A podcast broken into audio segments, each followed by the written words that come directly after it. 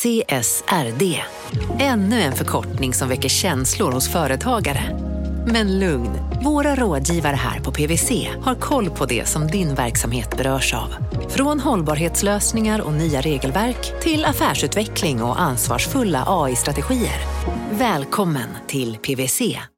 Här sitter jag i en ljudstudio tillsammans med ett sjölejon för att berätta att McDonalds nu ger fina deals i sin app till alla som slänger sin takeaway förpackning på rätt ställe. Även om skräpet kommer från andra snabbmatsrestauranger, exempelvis Eller till exempel Ja, precis. Om en så vidde på väg till dig för att du råkar ljuga från kollega om att du också hade en och innan du visste ordet av du hem kollegan på middag och... Då finns det flera smarta sätt att beställa hem din sous på. Som till våra paketboxar till exempel. Hälsningar Postnord.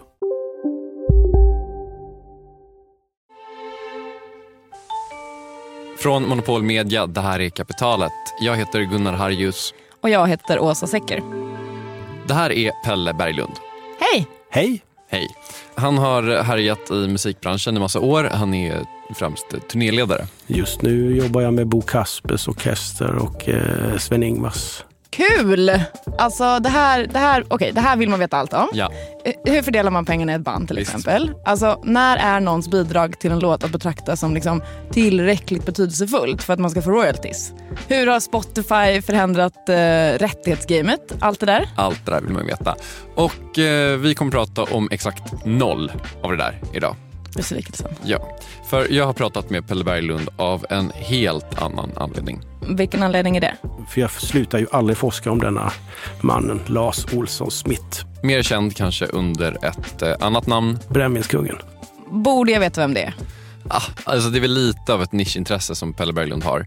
Eh, Lars Olsson Smith, av många mer känd som Brännvinskungen, av kanske ännu fler känd som L.O. Smith, är väl han är lite household, men han kanske inte liksom så att varenda person vet vem det är. Um, och om man då inte är Pelle Berglund så tänker jag att det kanske kan passa med en liten anekdot som introduktion till L.O. Smith. Absolut, kör. L.O. Smith kommer till Stockholm första gången när han är 17. Det här är 1800-talets Smith. Uh, han har åkt upp som passagerare på ett fartyg. Och det första som händer är att kaptenen på denna båten tar honom till Bokmanskans kaffehus som serverade mycket, mycket annat än kaffe. Det var ingenting annat än förtäckt bordell. Ello Smith är yngst och besättningen säger åt personalen på den här bordellen att ordna en kvinna åt honom och eh, Ello Smith känner väl kanske att det här inte riktigt är någonting för honom. Det är lukten, det är hela, hela eh, handlingssättet att uh, hålla på med dåliga flickor. Han blir helt förskräckt när, när han ser det, vad han ser där inne. Han springer ner till kajen och spyr. Verkligen, starkt intryck. Och i det här läget så lovar han sig själv fyra saker. Han lovar sig själv att han aldrig mer ska dricka alkohol. Han ska inte beblanda sig med kortspel och han ska definitivt inte beblanda sig med glädjeflickor. Och så det heligaste löftet, han ska undvika fattigdom till varje pris. Lars Olsson Smith ska under sin levnad bryta mot alla de här löftena och han ska leva ett av de absolut mest spektakulära liven, ja, kanske i Sveriges historia. Han ska bygga en enorm förmögenhet, förlora den, bygga upp den igen och i grunden förändra och misslyckas med att förändra det svenska samhället. L.O. Smith, Brännvinskungen, efter det här.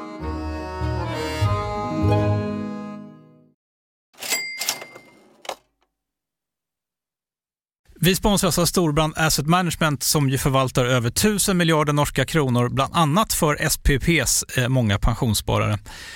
För två år sedan så investerade Storbrand i drygt 60 tåg, alltså tågvagnar, eh, som rullar mellan London och Skottland.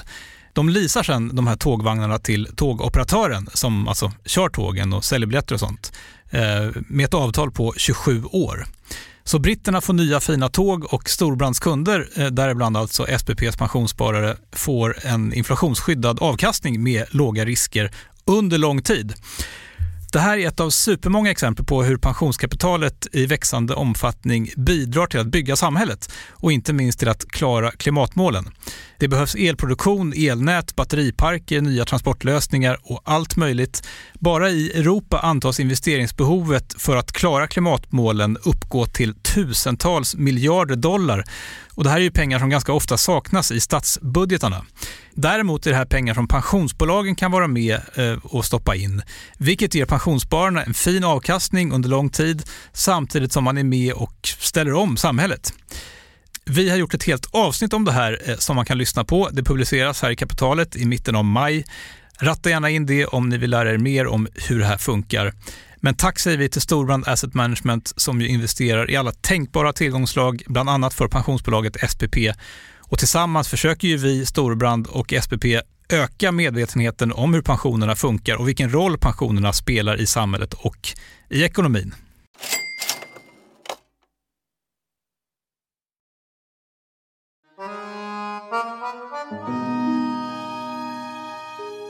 Så, eh, det vi har här är alltså L.O. Smith, brännvinskungen.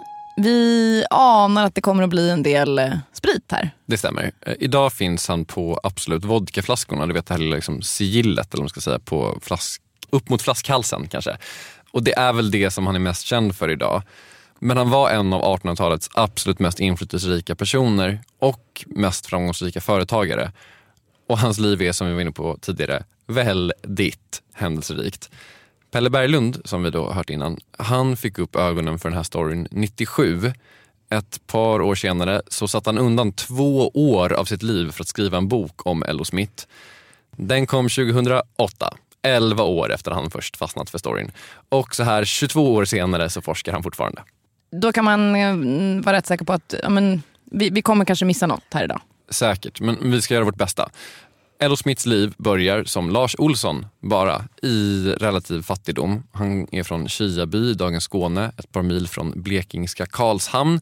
Hans pappa eh, drar gården i konkurs och har massa skulder. Och hela familjen, förutom Lars, åker till kyrkan för att få sig ett par stärkande ord av prästen i denna svåra tid. Och när eh, hela familjen åker iväg och Lars är hemma själv så kommer en konsul som hette Carl Smith han var stor kommunalpamp i Karlshamn. Han ville se om sin inteckning i gården då, så att, så att han kunde bevaka den. Eftersom lille Lars var ensam hemma där så visade han honom runt på gården. Och han kunde allting. Han sa till exempel att här borde inte pappa ha eh, eller min far, sa han säkert. Ska han inte odla vete? Det borde han göra där borta. Och potatisen borde han ha där. Så han kunde allt. Då var han bara sju år gammal. Och det här mötet slutar med att konsul Carl Smith säger att om det går illa för fadern så ska du komma till mig. Jag ska ta hand om dig.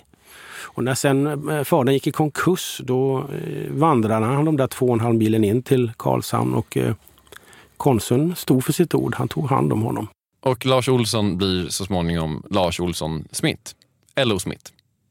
Alltså redan här kan man ana en viss begåvning tycker jag. Absolut är det så och han har också viss begåvning som lanthandelsbiträde som han så småningom blir. Sen bestämmer han sig för att Blekinge kanske inte är stort nog för honom. Sen åker till Stockholm och där börjar väl hans liv på riktigt någonstans. Åtminstone sådär pengamässigt. Så vad gör han då i Stockholm? Ja, efter det här med kaffehuset och allt det där så eh, får han väl lite olika anställningar runt Skeppsbron och på kajen. Och sen gör han någonting som ska lägga grunden till hans eh, förmögenhet. Vad är det? För att förstå det så måste vi förstå lite om hur läget var då.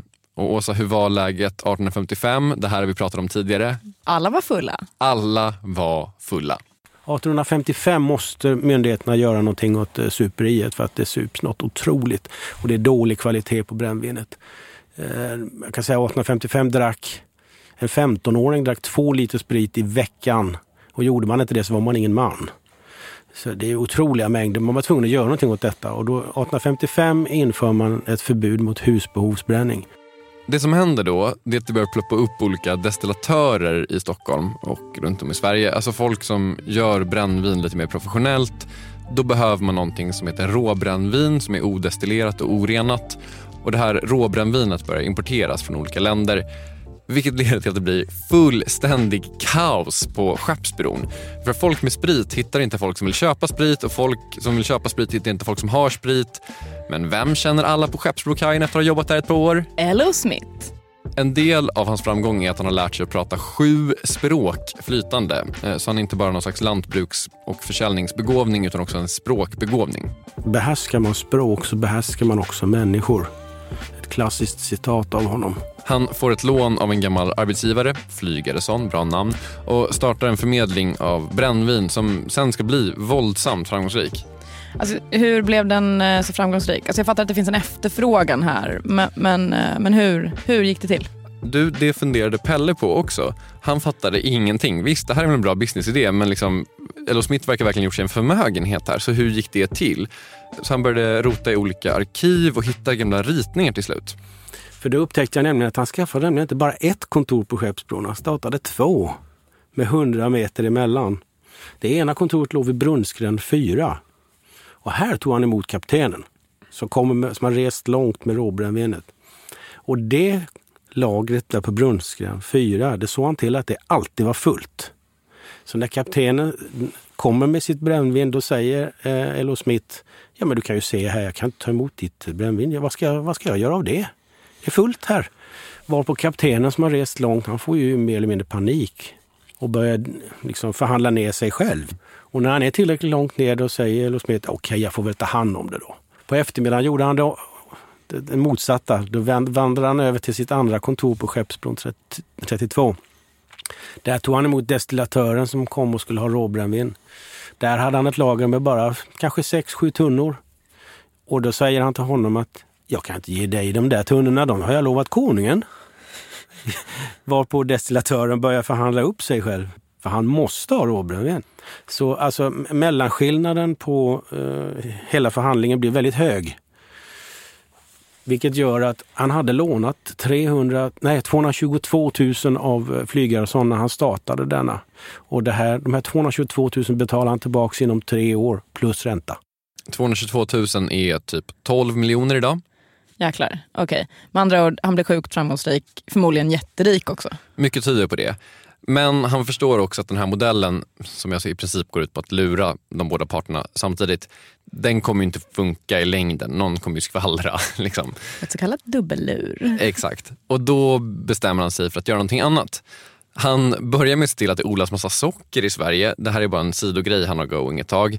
Ehm, han var förut först med att odla socker i hela Sverige. Han startade en sockerfabrik. Det här är i mitten av 1860-talet. Och då vet vi alla vad som händer, Åsa. Ja men faktiskt, för det blir näringsfrihet i Sverige. Vilket, nu gissar jag lite här, men det känns som att L.O. Smith kanske inte var ett stort fan av skråsystemet. Olika skomakare som skulle bliva av sina läster. Det är en inte så vågad, men trots det högst korrekt gissning.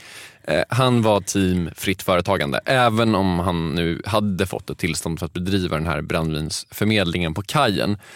Nu har han det här med sockret på gång, men han känner kanske att det här är liksom inte riktigt stort nog. Han letar efter sin nästa stora grej. Så han börjar resa runt i Europa. Men 1866 då händer det någonting som kommer få väldigt stor betydelse i hans liv. Då eh, kommer han över i Paris några skrifter av en professor som heter Angel Marvaux. Han har ju då eh, skrivit om att man kan rena brännvinet på varm väg istället för kall väg.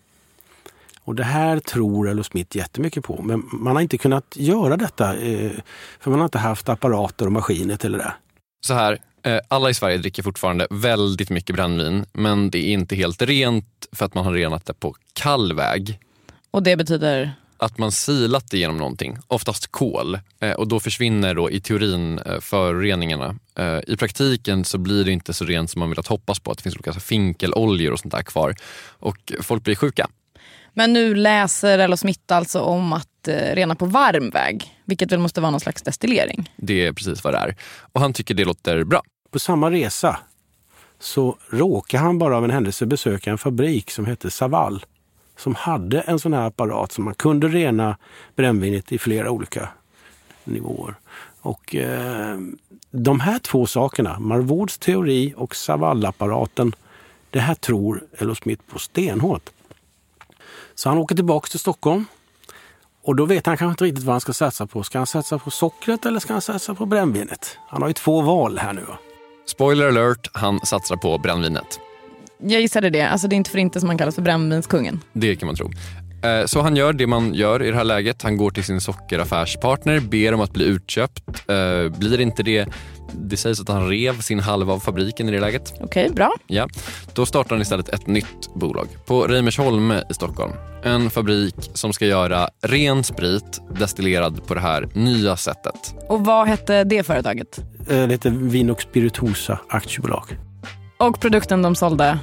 Absolut rent brännvin. Han börjar i det här läget också göra tidningsannonser. Det är han en av de första att göra, i alla fall på sättet som han gör det. Det är ganska moderna annonser. Han skryter om att hans sprit är tiodubbelt renat. Han blir också en väldigt omtyckt arbetsgivare på Reimersholme. Eh, han ger bra betalt, man får extra bra betalt om man är nykter på jobbet. Det var inte en självklarhet då. Han är en pionjär på det här området med arbetsrätt. Han ska vara med och organisera arbetarringar kallades det för då.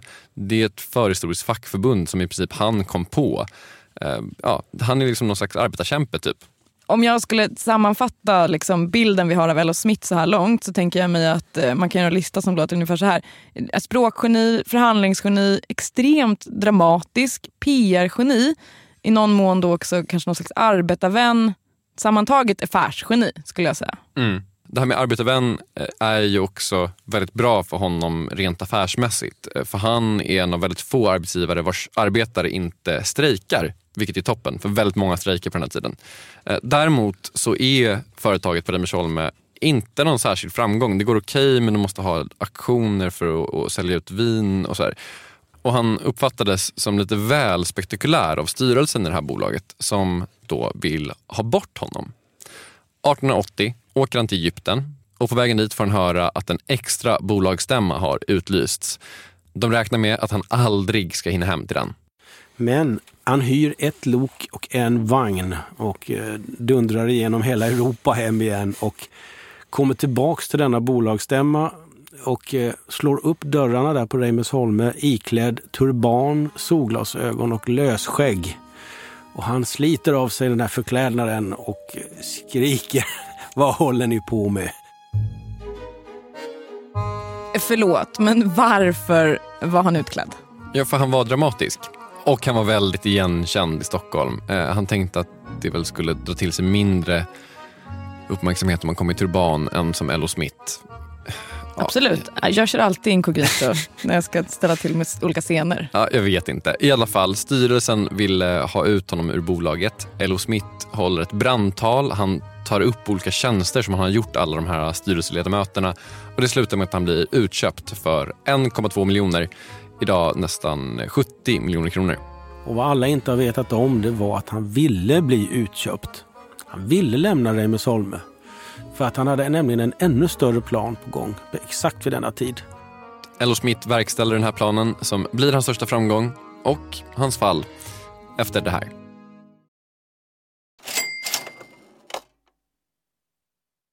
Kapitalet sponsras av Master Exchange, plattformen där du som privatperson kan investera i låtar och får pengar varje gång de här låtarna spelas. Eh, vi berättade ju senast eh, om barnlåten Puff the Magic Dragon som noterades av Master Exchange under våren. Nu har utdelningen på den låten kommit, eller royaltyn som vi säger i musikbranschen. Eh, den ligger på drygt 12% i årstakt och det här är ju en avkastning som är helt okorrelerad till börsen. Till och med Goldman Sachs har börjat skriva om just musik som investering just ur det här perspektivet. Nu finns en möjlighet att investera i en ny låt. Eh, låten heter Boss Bitch och den är av Doja Cat eh, som, eh, alltså jag ska inte säga att jag är superdeep här men eh, det är ändå en, en person som jag vet om det är. En, en världskändis. Den här låten gav baserad på förra årets spelningar en avkastning på drygt 13% Master Exchange har just nu en väntelista på registreringar. Det, det går lite för bra för dem kan man säga. Men skriver ni in kapitalet som promo code så kan ni runda kön och ansöka om andelar i låten Boss Bitch ändå. Om ni investerar helt vanliga pengar, det är inget krypto eller sånt där, så vill du investera i musik och få en avkastning som är helt okorrelerad med börsen och kanske inte minst eh, för att det är kul att äga låtar, eh, så kan man gå in på masterexchange.com och använda kapitalet som promo-code så går man alltså förbi kön. Kom ihåg dock att alla investeringar är förenade med risk, men vi säger stort, stort tack till Master Exchange. Kapitalet sponsras av Karla, Jakob. Ja, bilar igen. Ja, det är härligt. På Karla kan man sälja sin elbil eh, på det gissningsvis smidigaste sättet i Sverige. Eh, Karla har ju ett nästan ett komiskt högt användarbetyg på Trustpilot. Mm. 4,8 av 5, vilket jag typ aldrig hört talas om. Nej, det är väldigt, väldigt högt. Eh, man knappar in lite info om bilen på sidan, sen får man en gratis värdering och ett bud. Accepterar du budet kommer Karla och hämtar upp bilen gratis och sätter in pengarna innan de kör iväg. Inget mer än så. Rätt fantastiskt. Nej, det är faktiskt ja. helt otroligt. Och eh, det kan bli ännu mer eh, otroligt än så. Eh, för att vi har nämligen en rabattkod som ger dig 2000 kronor extra för bilen. Så om du säljer din bil så får du två lax extra. Stämmer. Bara sådär.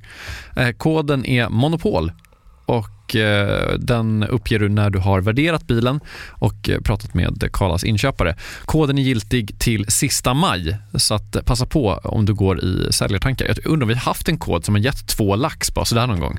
Nej. Det är helt otroligt. Mm. Man behöver en bil förvisso. Absolut, så det är kanske inte bara sådär, men det är ändå 2000 kronor extra. Väldigt bra. Ja. Så sälj din elbil eller laddhybrid till Karla. Du får 2000 kronor extra med rabattkoden Monopol. Eh, hoppa in och kolla på karla.se. Karla Museet. Där kan man också köpa bilar ska jag tillägga. Verkligen. Vi säger stort tack till Karla. Så eh, Ello Smith har gått från eh, fattig bondpojke till rik industrialist. Mm. Är det ett ord vi använder? Ja. ja. Eh, han byggde upp eh, vin och eh, spiritosa. Han gjorde absolut rent brännvin och han blev utköpt ur bolaget genom en slags kupp. Brännvinskuppen? Men han ville bli utköpt för att han hade större planer. Vilka planer? Han höll på att bygga världens största spritfabrik i Karlshamn så han behövde kapital. Det han har sett, som ingen annan verkar ha sett, det är att det finns en möjlighet att eh, exportera sprit till Spanien. Just nu exporterar Tyskland finsprit dit och Ello Smith tänker att här kan jag komma in och konkurrera med mina svenska villkor. Och han har, som han nästan alltid har vid den här tiden, rätt. Så det går bra i Spanien? Sjukt bra faktiskt. Eh, I samma veva blir han riksdagspolitiker. Han lägger fram massa motioner om allmän rösträtt eh, och att man ska begränsa kungens makt på massa sätt. Eh, kungen ska inte få starta krig eller sluta fred. Ja, få begränsa hans makt helt enkelt. Modernt, eller heja? Ja, alla röstas ner. Men Pelle Berglund uppskattar honom nästan mest som politiker eller tänkare trots att han var en, om man ska vara lite så resultatinriktad, väldigt dålig politiker. Han fick inte igenom någonting. Men i Spanien i alla fall så går allting superbra. Tills det en dag inte gör det. 17 februari 1888 dimper det ner ett telegram på svenska UD. Den som har skickat det är norsk-svenska ministern Anton Grip i Madrid. Han skriver att Spanien tänker införa en inhemsk eh, skatt på sprit, på importerad sprit. Och det ska även gälla retroaktivt, allt som redan infört. Och Ello Smittan har 26 000 liter råbrännvin infört i Spanien.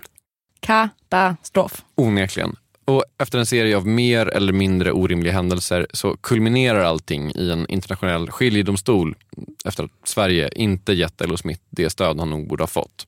I ett slag så blir Ello Smith mer eller mindre ruinerad. Han får lägga ner fabriken i Karlshamn.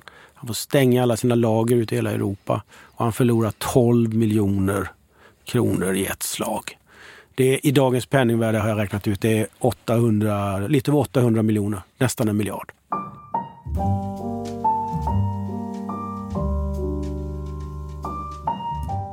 Det här eh, måste ju vara en av de enskilt största förlusterna i svensk affärshistoria. Jag tror det. Det här är då den spanska spritfrågan. Det finns massvis av teorier kring hur det kunde gå så här fel för Ello Smith.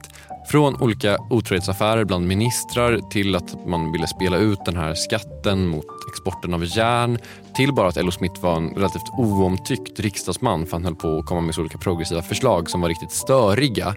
Det hela är sjukt rörigt, men jag tror att man kan summera det som att Spanien genomförde en retroaktiv tull Ello Smith borde fått hjälp, fick ingen hjälp och förlorar nära nog hela sin förmögenhet. Så här är han liksom nere på botten? Den första botten. Det finns alltid en till botten. För Ello Smith tror nämligen att han ska dö i den här vevan. Han har en frossa som återkommer generellt genom hela livet. Verkar inte vara av liksom det allra segaste virket överhuvudtaget. Och när han går runt och tror att han ska dö så skriver han över det sista av sina pengar eh, på sin familj. Sen överlever han eh, och går då tillbaka till sin familj, säger kan jag få tillbaka lite pengar? Nej, det kan han inte. Komplicerad familjerelation. Familjen Smith är kanske inte definitionen av en sund och fungerande familj. Eh, Vilken familj är det? vilken familj är det? Han hamnar i bråk med sin son Otto i den här vevan. Otto trodde att han skulle få ärva hela företaget efter pappa, men det får han inte. Och då utmanövrerar Otto honom ur företaget. Det hela är någon slags fars typ. Men också typ botten under botten känns det som. Ja, Då måste han ju ge sig ut på nya vägar igen. Fast besluten att han ska bygga upp en ny förmögenhet. Vilket han också kommer att göra. Ha! LO ändå. jag sa ju att det skulle vara en berg. Ja okej. Men eh, hur, hur gör han det då? Så här, eh, Eh, jag kommer inte ihåg vart jag hört det, men det finns något så här amerikansk saying som är typ att rich people don't even go broke the same way we do. Något sånt där. Eh, och det stämmer verkligen på Ello Smith. Eh, Pelle tror att han måste ha pengar undanstoppat någonstans. Det går inte att hitta var, det går inte att hitta hur, men han har någon slags summa pengar kvar i alla fall, han, som han liksom har undanhållit från alla. Ehm, så 1891 så åker han till Hamburg, Och där börjar han prata med sina bankirvänner. Jag vill gärna bli lika rik igen. Vad föreslår ni att jag ska göra? Extremt relevant fråga ändå. Jag ställer mig den frågan eh, varje dag. Samma här. Och Det de säger det är att eller du kanske inte behöver göra tiotusentals små brännvinsaffärer som du gjort tidigare och sålt liksom en sup i taget här. Det kanske räcker med att du kan göra en stor affär. Och då började han fundera jättemycket på det där. Vad är en perfekt affär? Jo, det är när du har den perfekte säljaren och den perfekte köparen och den perfekta varan. Och efter många, många funderingar så kommer han fram till att det är egentligen bara ett tillfälle när den situationen uppstår. Det är vid krig. Och det är nu världshändelserna eh, vänder sig till honom igen. Det som händer är att ett litet parti i Korea gör revolution. Och Kina och Japan kliver in. De är inte bästa polare. De hamnar på varsin sida av det här kriget, hamnar i krig med varandra. Japan vinner sjukt oväntat det här kriget och Kina får världens krigsskadestånd till Japan. Kina har inte de här pengarna och börjar låna dem från bland annat Tyskland. Och vem sitter i Tyskland, har lite undangömda pengar och behöver göra en stor affär? Alltså vilken kille! Eh, hur mycket tjänar han? Eh, 12 miljoner säger han själv. Det är lite svårt att veta för att man vet inte hur mycket han lånade ut. Det man vet är att han ändå hade pengar att låna ut. Han tog någon slags helt osannolik ränta på det här förmodligen. Eh, Pelle tror att Ello Smith tjänade ungefär hälften, alltså typ 6 miljoner på det här. Vilket är ju otroligt mycket pengar. Alltså ungefär en halv miljard i dagens eh, penningvärde. Det vi kan slå fast är att han blir stadigt rik i alla fall. Gud så skönt. LO tillbaka på banan. Han ska förlora allt igen. Herregud. Om världshändelserna spelade honom i händerna med det här med Koreakriget så har det spelet nu vänt kan man säga. Eh, han går in och investerar kraftigt i silvergruvor i Sydafrika. Allt går så bra. Sen, Boerkriget. engelsmännen tar gruvorna och Elder Smith har förlorat allt igen. Därefter följer en myriad av olika stämningar inom familjen. Eh, han får till slut en liten månadspeng på 1000 kronor i månaden och 5000 kronor varje jul av familjen. Men han blir aldrig rik igen. Han skriver sina memoarer, som är något av det bittraste som skrivits i svensk litteraturhistoria. Sen stämmer Otto honom igen. Och saken ska gå till rättegång. Men den 9 december så avlider Ello Smith i sitt hem i Karlskrona i sviterna av lunginflammation. Här är Blekinge Läns tidnings eh, runa över Ello Smith.